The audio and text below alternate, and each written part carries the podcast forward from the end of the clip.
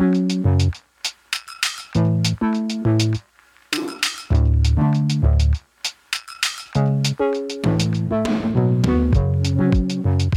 jag heter Dan Magnusson och jag har prostatacancer. Och idag ska ni få slippa få höra min, mitt tjatande om mina åkommor hela tiden. För att även den här gången så har jag en gäst med mig. Så välkommen hit Tom! Tack så mycket!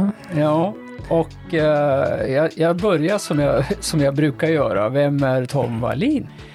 Eh, jag är eh, drabbad av prostatacancer, jag också. Eh, jag är nästan 74 år, i god form, om jag får säga det själv. Pensionär sedan drygt 12 år. Gift, tre vuxna barn, två barnbarn. Allting är rätt bra. Det låter bra. Men det är så kul, för det är ju naturligtvis därför du är här. Nu, nu känner ju vi varandra. Vi har ju lärt känna varandra genom Friskis och Svettis. Eh, men nu är vi ju liksom prostatacancerpatienter, prostatabröder är vi. Prostatakompisar. Ja, ja men så är det ju. Och vi har ju träffats lite grann och pratat om det här. Eh, och då blir det ju lite intressant, för det var ju när du hörde av dig till mig och berättade att du också var inne på det här. Och då, det blir ju det mest intressanta då. Hur fick du reda på att du hade prostatacancer? Ja, jag kan väl säga så att eh, jag är väldigt glad för att eh, jag för eh, redan år 2015 var lite ihärdig och drivande för att få en årlig hälsoundersökning via hälsocentralen. Och det satt väl lite segt åt det där, men till slut så fick jag det i alla fall. Och jag begärde då samtidigt eh, att få PSA-prov. Mycket grundat på att eh, i min närhet var kompisar som hade drabbats och eh, som kom under behandling för sent. Eh, och trots eh, ett visst ifrågasättande då från eh, hälsocentralen så fick jag i alla fall PSA-prov också. Då, 2015, då var värdet helt okej. Okay. Lite, lite grann i överkant kanske, men helt okej. Okay med tanke på ålder. Men tack vare hälsokontrollen där så upptäcktes ju också att jag hade ett alldeles för högt blodtryck så det fixades med medicin, eh, inget problem i dagsläget. Så det rullade på med de här årliga PSA-proven som låg rätt stabilt ända fram till jag tror det var precis före pandemin, när det hoppade upp lite grann och som oroade då min husläkare. Därifrån, med, med lite glesare kontroll på grund av pandemin, så åkte det upp på, på för hög nivå helt enkelt till slut. Och mm. framförallt i 2021 som det började fara iväg upp över nio, då, då måste vi göra någonting. Och det var då själva undersökningar och provtagningar och sånt där startade. Jag har en liten reflektion där, för jag tänker du, du har börjat 2015 fick du vissa tecken och sen 2019 så, så blev det mer liksom ja, allvar eller uppmärksammat om man säger så. Då. Och jag åkte på prostatacancer, mitt vart ju officiellt liksom året efter eller någonting sådär. Men jag tänker, vi pratar ju, vi män pratar aldrig prostatacancer, är inte det märkligt? Ja, men när man väl har drabbats själv, då upptäcker man ju att var och varannan nästan, för då lättare, då utav mina golfkompisar och nu på vintern curling, så låter ju som hälften av styrkan har drabbats av det och som har antingen radikalopererats eller någon annan form av behandling, oftast då strålning. Eh, så jag känner mig absolut inte ensam. Men det krävs ju att någon liksom börjar och vågar. Exakt. Ja. ja, och det är ju modig som är här menar jag. Alltså alla som berättar för andra är ju modiga.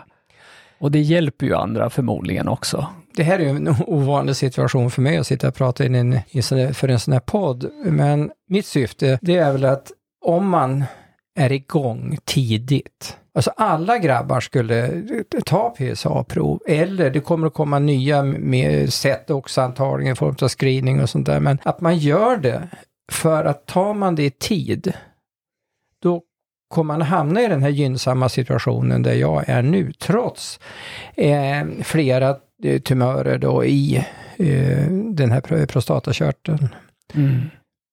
det, är- det är liksom också se då att eh, ja, men även när man kommer upp i upp 75-årsåldern och sånt där, att eh, sjukvården börjar ju då fundera på om, eller signalerar att eh, du, så där gamla gubbar, de opererar vi inte längre, du kommer dö av något annat. Va? Det kände jag som är tio år yngre också, att jag blir behandlad så ibland. Kanske inte just på, inte inom liksom prostatacancervården, men, men på andra områden så är det ju så. Man är inte riktigt relevant helt enkelt. Exakt, man närmar sig ett i Ja, stupa. ja precis. Ja. Men, men jag tänker, för, har du fått några särskilda råd då för hur eh, son ska testa då? För, alltså screena sig eller testa. Jag fick ju reda på att mina söner, de borde gå och testa sig när de är kanske redan 45 eller någonting sånt Ja, där. nej, något sånt råd har jag inte, det har vi inte varit i närheten utav. Nej. Eh, Mig vetligt så finns det ingenting i släkten heller som eh, just för prostatacancer. Det är ju ingen idé att testa liksom 25-30-åringar, utan det kommer ju så småningom det här. Va?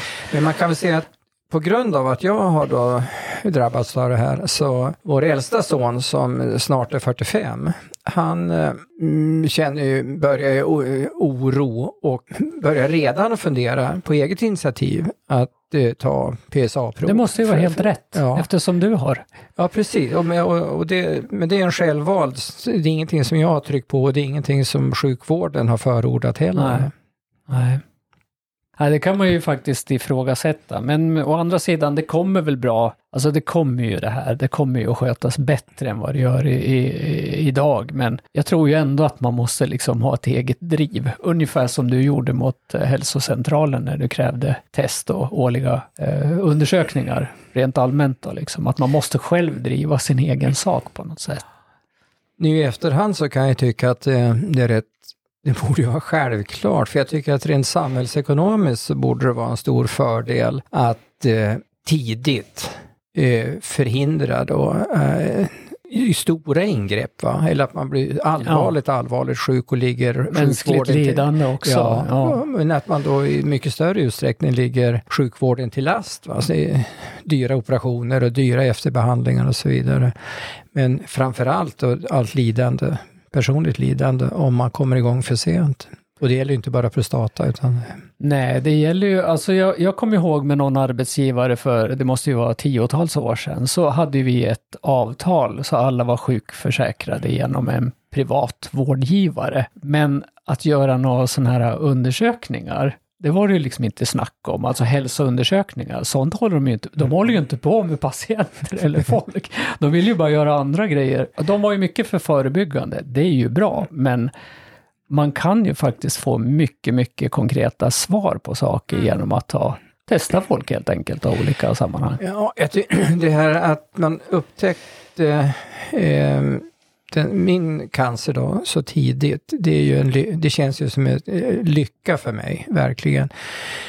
Men om jag inte hade fått en årlig eh, undersökning, då vet du fasen vad det här extremt höga lo- blodtrycket, vad det hade kunnat medföra eh, med tanke på vad jag vet idag. Och, Ja. eh, och den kombinationen av, jag fick göra en sån där test då med 24 timmar, så just för blodtrycket. Och jag, fick då ett värde som låg eh, alldeles för högt och då, jag då kaxig säger att eh, det är inte omöjligt, det är inget fel på mig, jag är i god form och jag har inga problem. Så det är fel på maskinen som mäter det där. Mm. Och läkaren såg lite frågande ut. Så det brukar aldrig vara fel på, på de här. De är liksom tarerade varje gång innan. Sen fick jag igen en sån där test då, och då visade det sig igen att när man, alltså när man borde ha som lägst puls, eller vad heter det, blodtryck, då låg det övre trycket på 192, vilket var Oj. anmärkningsvärt högt. Va? Mm. Sen med åldern så, jag menar nu då, då är vi nästan tio år senare, då man börjar slamma igen i, i ådrorna och har man då sånt högt blodtryck och så stor skillnad mellan det övre och lägre så är det direkt en fara för stroke och liknande. Ja. Så att, men det, det, det gick ju jättelätt att eh, råda bot med hjälp av medicin eh, och det är inga problem idag. Eh, så det, det är många faktorer som talar för att man ska försöka, om man har möjlighet, att få en hälso... Och eh, på samma sätt som när man var yngre och man jobbade, då hade ju vi som var över 50 år, vi fick ju en årlig hälsokontroll. Det, det ingick i, i anställningsavtalet. Ja. Och i och med att man då kommer upp i pensionsålder, det är då problemen, de allvarliga sjukdomarna många gånger kommer också. Då helt plötsligt får man ingen hälsokontroll överhuvudtaget. Det är märkligt. Ja. Mitt PSA fastställdes ju 2021 och då tittar man ju bakåt och det var 2007 som man tog det senast. Och jag tror att det var när jag började som kommunikationschef, för då vart man grundligt liksom genomgådd på olika sätt. Va? Men att det är ju märkligt att det ska gå så många år på en, på en gammal människa och, och som har det i släkten också. Va? Men jag, jag var ju inte lika framåt som du var. Jag skulle ju ha varit det egentligen. Jag hade ju tur ändå då eftersom jag åkte in av andra skäl, men det är ju liksom beklagligt att det ska vara slumpen som avgör det. Det som jag, jag tror också att man, man, jag tror man har hissat upp eh, eh, fokus på prostatacancer. Man pratar mycket mer i media om det, att det numera, man säger rakt på att det här är den vanligaste cancerformen, alla kategorier, även större än bröstcancer och tarmcancer och sånt där. Och att man då lyfter upp det. Eh, det är fortfarande, tror jag, för många, och det är lite grann av min mission nu då, att ta det där provet. Var inte Stålmannen och tro att det, inte är mig det är fel på. Jag har absolut inga problem, jag har inga symptom. Det är svårt att träna bort den.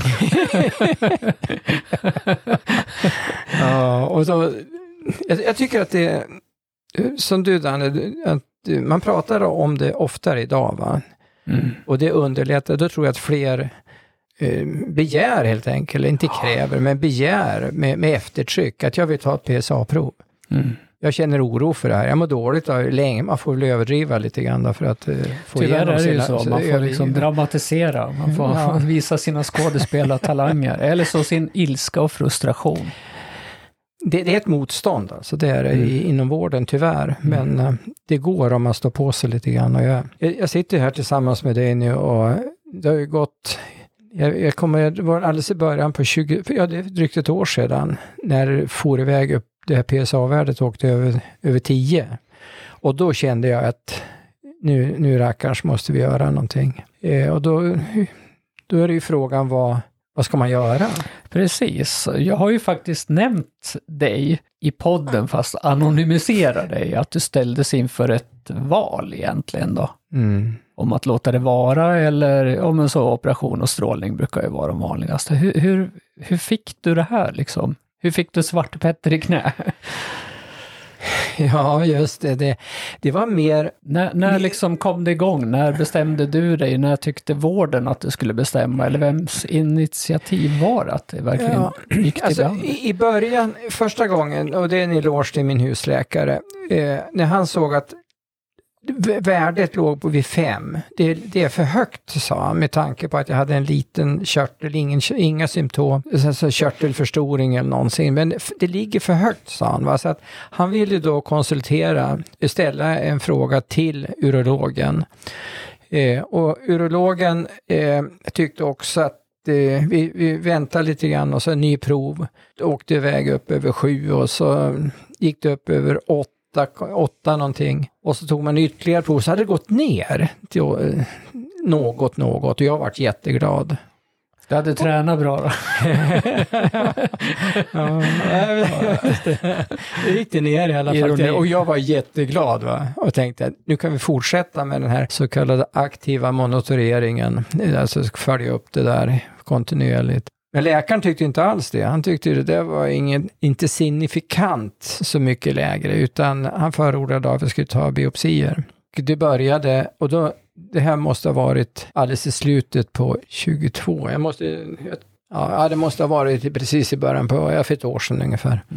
Jag kommer ihåg att vi hade kontakt då, då Mm. när du gick på aktiv monitorering. Så att det, det var väl då du och jag började prata Mm, om, för då hade ju mm. du fått reda på att jag Mm. hade prostatacancer. Men eh, när eh, det här valet som du ställer frågan, Danne, eh, det kom, det, det kom senare. Men först då så vart, det gick ganska snabbt va, med magnetkamera då konstaterar man, och man ser direkt att och var den här tumören satt någonstans i körteln. Och så tog man de här två, fyra biopsierna först. Man visste ju precis var tumören satt, så de hade ganska bra träffbild. Men så gick det halvår till, så vi var framme i sommaren då förra året, alltså 22, eh, skulle det göras ny, ny, ny undersökning och då upptäckte man och man sa så här, vi måste ta fler biopsier för att, så vi inte missar att eh, det är fler tumörer. Och tyvärr så hittar man ju fler tumörer. Och så sen låg värdet rackarns högt, då, eller rackarns högt, men det låg på över 10. Då kom den här frågan, vad gör vi nu? Just det. Ska vi fortsätta med att bevaka det här eller ska vi operera och då eh, sån här robotteknik då, då skulle man skickas iväg. I det här fallet så skickade regionen iväg oss eh, till, till eh, Örebro. Mm. Eller ska man stråla? Och jag hade ju absolut noll koll på egentligen det där. Men jag har ju goda vänner som har behandlats på olika sätt och vad blev konsekvenserna av det? Vad finns det för biverkningar?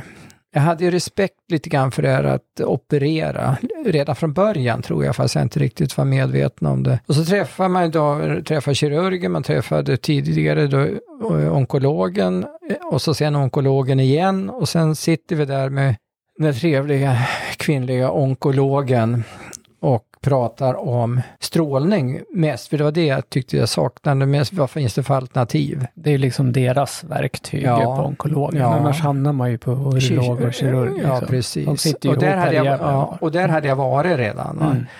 Men jag hade ändå fått någon signal från sjukvården att när jag frågade vilket är det bästa, säkraste alternativet med tanke på vad som händer efter eh, en behandling och hur, hur, frisk blir jag? Och både urologen och kirurgen de menar att ja, det är 50-50, det är lika, alltså strålning det funkar bra också. Så att, eh, det är väl den allmänna bilden ja, egentligen, ja, åtminstone är det ju så man säger här i Gävle, det sa ja, man ju till mig också. Mm, och då tänkte jag, släppte jag tillfället med och, operation och, och eh, hade det här samtalet med onkologen. Och då var det tre alternativ, det vanliga. Där man hade eh, 39 dagars strålning tätt följd, eller 29 dagar. Eller så fanns det som jag uppfattade en relativt ny variant som jag hade döpt till turbovarianten. Just det, det kommer jag ihåg du berättade för mig. Ja, ja. Men det heter det inte, utan det heter någon annan med hyper eller någonting. Och eh, en sju dagars med lite starkare dos. Och det tyckte jag lät ju bra. Va? Men sen fick jag också, efter det här mötet, så ringde läkaren upp och sa, du, jag undrar om jag var tillräckligt tydlig på att eh, initialt så blir biverkningarna lite eh, större vid den här turbovarianten, sju dagars. Och jag var lite ängslig för att det skulle påverka tarmen eh, och inte bara och, utöver då risken för urinblåsan. Så att då, då kom vi överens om att göra en, en mellanvariant och göra 20 dagars strålning. Sen åkte jag hem och så, eller vi kom inte överens om det utan hon sa det, vi skulle ju kunna göra en 20 dagars också. Och så åkte jag hem och så satt jag sög på det där och så jag, jag insåg att det var meningslöst tyckte jag att fråga vad tycker du till läkaren? Vad skulle du göra om du var i mina kläder? ja. Och då visste jag, jag anade att jag inte skulle få något Nej, svar precis. som jag ville ha. Så att, och då gick jag hemma och så, så helt plötsligt var jag helt övertygad om att nej, nu ringer jag till, jag sa det till min fru, nu ringer jag och säger att jag vill ha 20 dagars, så strålar vi det här och sätter vi igång. Inte, och, och det gick igång på en gång egentligen.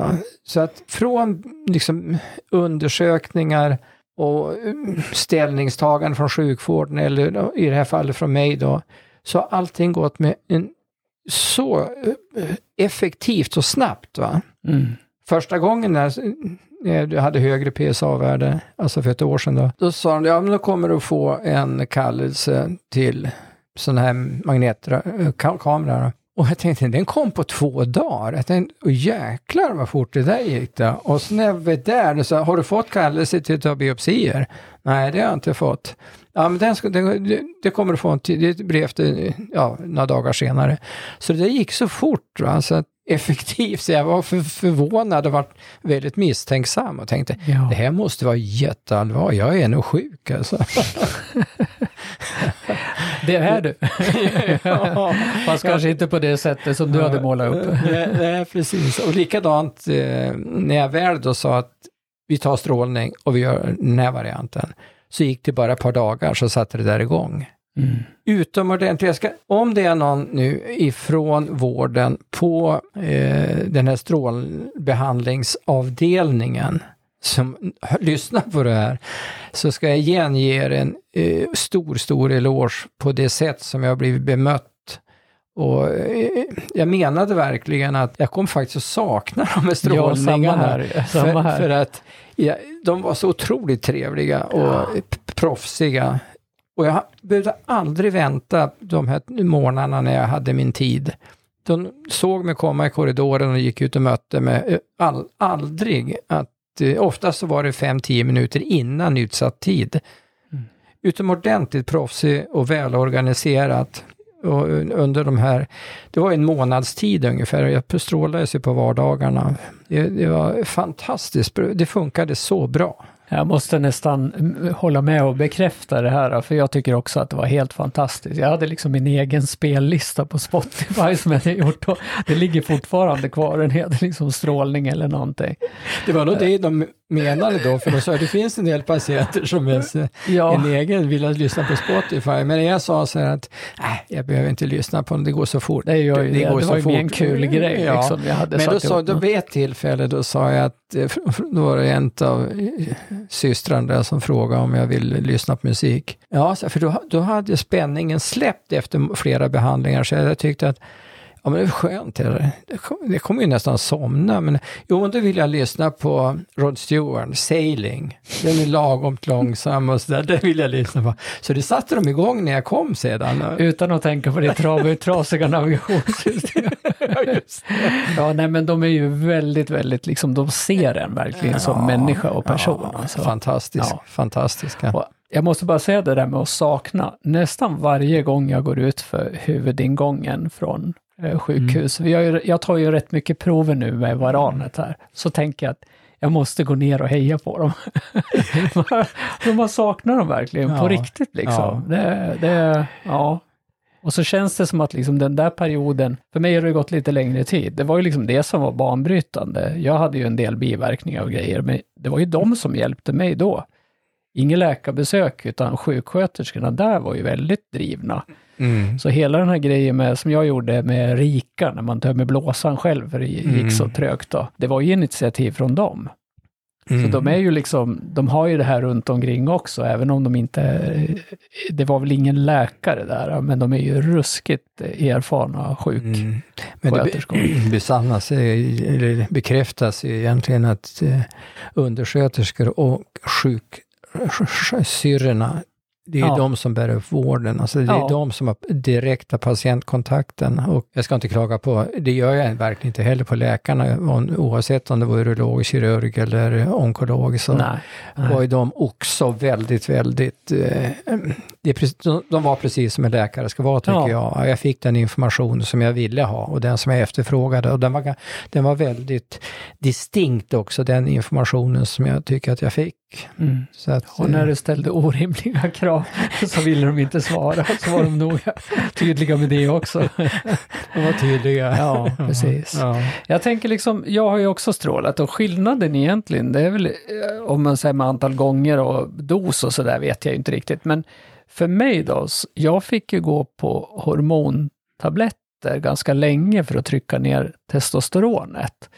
Det där tror jag kan ju ha lite grann med ålder också, det skiljer ju nästan tio år mellan oss. Att man, att du hade ju ingen inledande hormonbehandling innan strålningen, utan det är ju som du säger, det vart ju liksom ganska omgående va? Ja, nu kan jag inte riktigt din, vad heter det, anamnes där, men jag tror att min, jag säger igen, min smala lycka, det var att vi var på ett på direkt. Va? Ja. Och att eh, eh, allting med det allmänna hälsoläget, eh, alltså fysiken, liten körtel, inga symptom. Aldrig haft något problem med, med kisseri till Nej. exempel. Och inte efter behandlingen heller, mer än initialt. Va? Precis eh, när behandlingen var avslutad, när det skulle kulminera, eller pika så att säga, de, de, de små biverkningar som man visste man fick av strålning, typ lite grann när man kissade, lika problem med, med avföring. Men det var så otroligt marginellt. Va? Och i dagsläget, jag hade min sista behandling, det hade jag i mitten på februari i år. Nu har det gått en månad till. Jag har absolut inga problem alls. Det är helt fantastiskt. Varken fram eller bak om man Nej. säger. Nej, det är jättebra. Och, och eh, det enda hjälpmedel egentligen som jag höll på med lite grann, det var att jag körde en bulkmedel. Eh, eftersom tarmen oundvikligen blir påverkad, det. slemhinnorna, så Mm. att det blir eh, både eh, hårt och löst och luft. Det där kände jag också vid strålningen. Det kändes skört liksom. Mm, Det ja. kändes som att man hade liksom en, en tarm som var av krepspapper någonting. Så, så var känslan. Ja. Men du, jag tänkte rätta mig själv här, för jag, när jag tänker med munnen på något sätt. Jag tror ju liksom att det här med hormoner och grejer, jag tror att du är för ung. jag tror att man tar liksom, får nog lägga på tio år till innan man börjar och eh, göra de slutsatser som jag försökte göra. Det borde jag inte göra, jag är patient. Men jag tänker så här då, nu, det är väl antagligen vilken typ av prostatacancer man har. Det här med Gleason-summan. Den blir ju liksom säkert, för jag menar jag har ju en avancerad eller aggressiv typ då liksom Mm. och då kanske man vill trycka ner testosteronnivån. För, att, för det är ju syftet med det, för att strålningen ska vara mer effektiv. Va?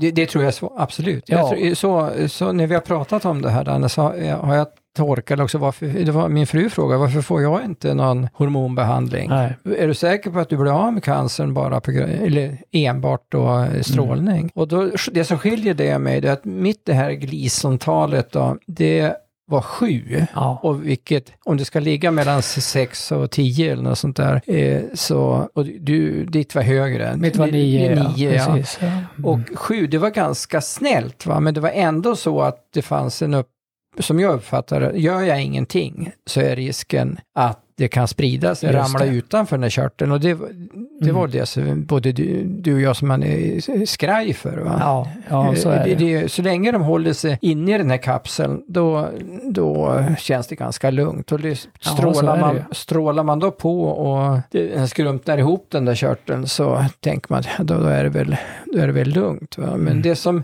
idag, det, det som i skillnad om man opereras, då har du ju svaret direkt. Då går ju PSA-värdet ner till noll eller inte mätbart direkt efter operationen, fattar jag det som. Mm. Men när man strålar så här, då får man ju ha tålamod och det kommer att svaja upp och ner, det här PSA-värdet, om man skulle ta det kontinuerligt.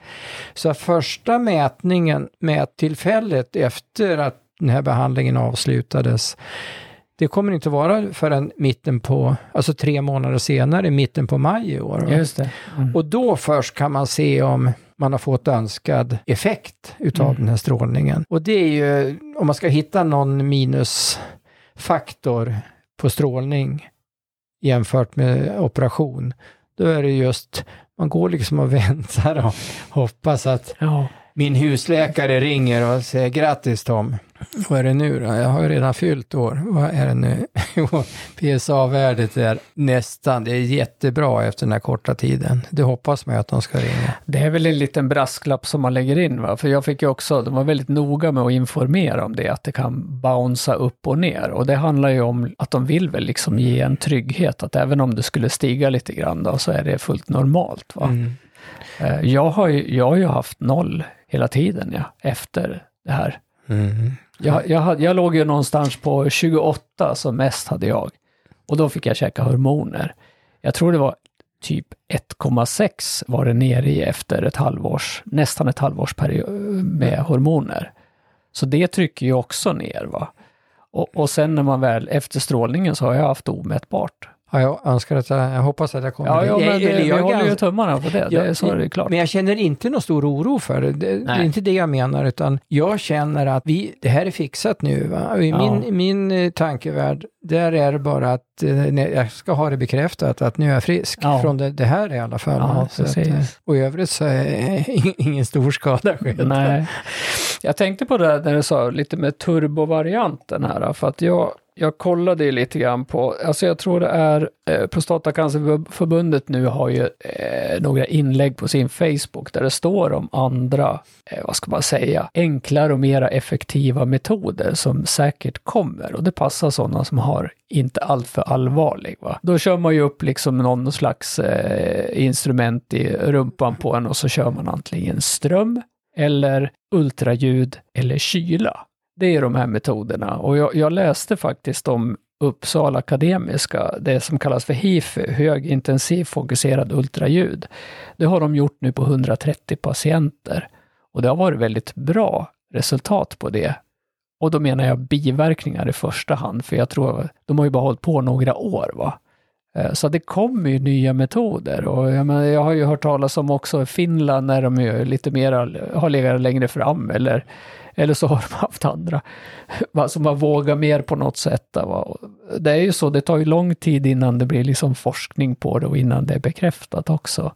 Det finns nog en ljus framtid om man säger så. Alltså det kommer att komma nya och effektivare samtidigt mildare behandlingsformer. Ja. Det tror jag säkert. Ja. Och det, man får, men det är återigen, det är väl inom all verksamhet och även den medicinska, att det är det som är populärast att forska på, där pengarna, där det finns mest forskningspengar och det som är mest status i. Jag menar, det har ju alltid varit så att en... Är det verkligen status med prostatacancer? Nej, Nej men jag, jag, tänker så här då, är det, reagerade lite på det du sa att ja men nu är det ju det, det är mycket om det. Sen är det ju lite så här confirmation bias också, när man väl, det är som att köpa en grön bil och så ser man en massa andra som har en grön bil, man har aldrig sett dem för nu suger man ju åt sig utav prostatacancerinformation. Mm, man får ju väldigt mycket också. Va? Men, men visst är det så. Det här är ju nya metoder. Va? Och sen när man tittar, liksom bara läser i allmänhet, jag läser ju mest liksom tidningen Prostatacancerförbundet och andra, då ser man ju att det finns väldigt mycket nytt för de som har spridd cancer. Va?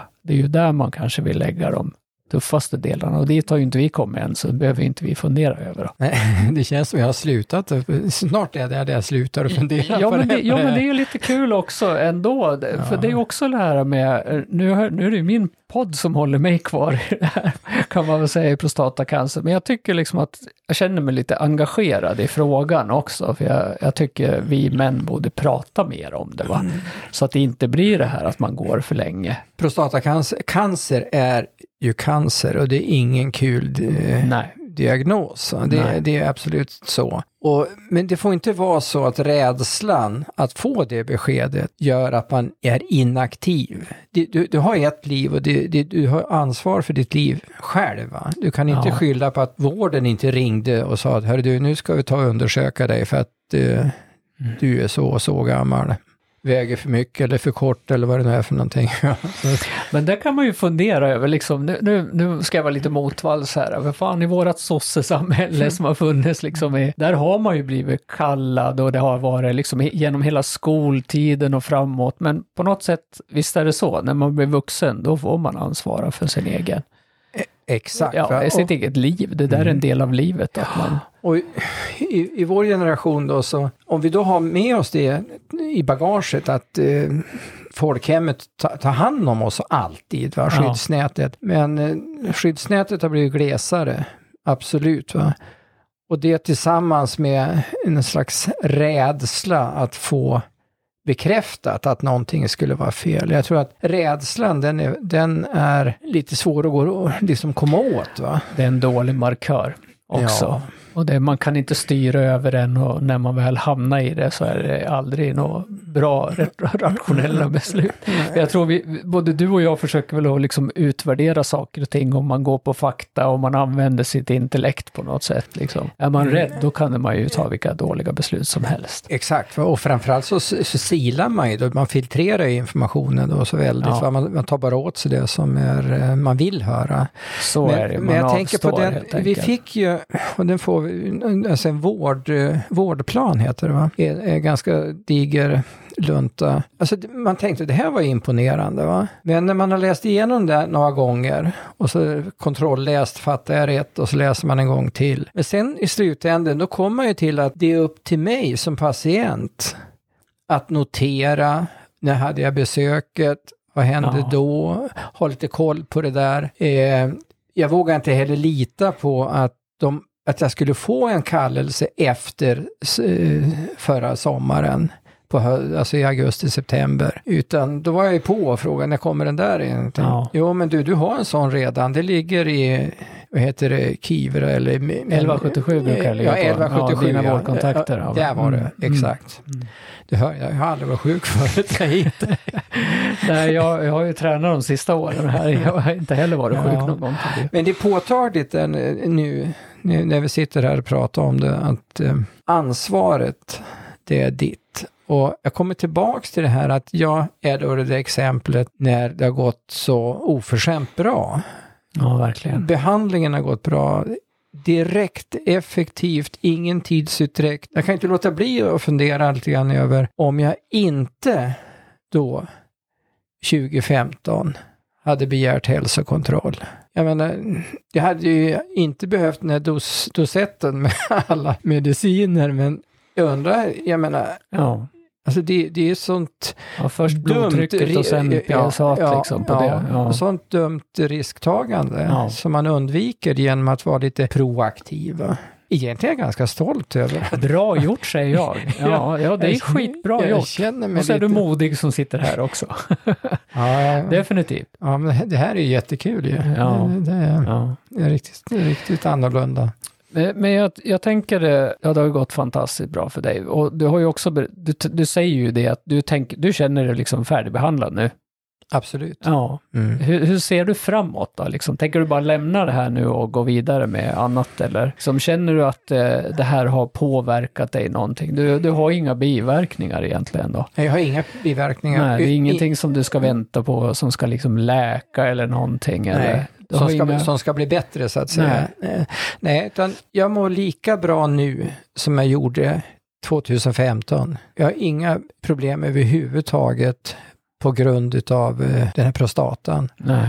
Och framåt så, jag, som sagt, som jag sa tidigare, att jag utgår ju bara från att den här eh, tumören, den är dödad för Ja. evigt. Och sen vet man ju aldrig vad som kan dyka upp. Så att, eh, men eh, som sagt, jag, jag tror också att en hygglig grundfysik, det, det är, och det tillsammans med positivt tänkande, det är ganska bra plåster när man åker på någonting. Så är det ju det här med positiva tänkandet är ju bra för att annars så fastnar man ju i andra loopar liksom och då, då mår man ju dåligt även om man är frisk. Så det, och det är ju synd om det är det här då om man har gjort en framgångsrik behandling och så ska man ändå gå och vara liksom, Ja. dra på sig någonting, Mm. någon ryggsäck eller någonting. Jag fick under den här perioden, det spreds ju bland kompisarna och hörde att, man, att det var någonting på gång och, så, och då var ju frågan, hur mår du Tom? Och då var ju standardsvaret för mig under den här resan, jag, jag, jag mår jättebra, jag mår alldeles utmärkt. Och då ser hon lättad ut ända tills jag lägger till, men jag är inte frisk. Nej, precis. Då, Man märker liksom att folk, de vet inte hur de ska ta det och ibland så säger man ju också lite snabbt sådär att det, ja men det är bra och så, och så och sen är det väl bra att säga att man inte är frisk, men Mm. man vill ju liksom inte gå in i detaljer i varenda möte man gör. Liksom. Det, det är en av anledningarna att jag gör podden här, för jag Mm. hoppas att folk kan lyssna på det istället. Liksom det här med vårdplanen. Jag, jag kände liksom att det här är ju 1950-tal, så min podd fungerar som min journal och journal är ju jättebra om man vill Mm. gå tillbaka. absolut, Ja, absolut. verkligen. Mm. Ja, men det är ju helt fantastiskt. Då hoppas vi, då har vi några grejer som vi hoppas på att eh, andra som lyssnar här tar till sig då, men eh, att eh, gå och kolla sig, liksom kör på bara. Absolut, det är huvudbudskapet. Det andra det är att man har kommit så långt i de här behandlingsmetoderna. Det, det är alltså, att, att ta de här eh, röntgenplåtarna och det här, det, känns ju ingenting. Biopsierna eh, säger de flesta att det där var en ganska smal sak ändå. Eh, En del säger att ja, det var lite obehagligt och det är så individuellt. Va? Behandlingen som sådan när det gäller strålning, den är enkel. Den, den är inte förenad med svåra smärtor eller obehag eller något sånt Nej. där. Utan gör det bara. Gör det. Ja, nej men det, det får nästan bli slutord här, tycker jag. Det är, det är bra. Liksom.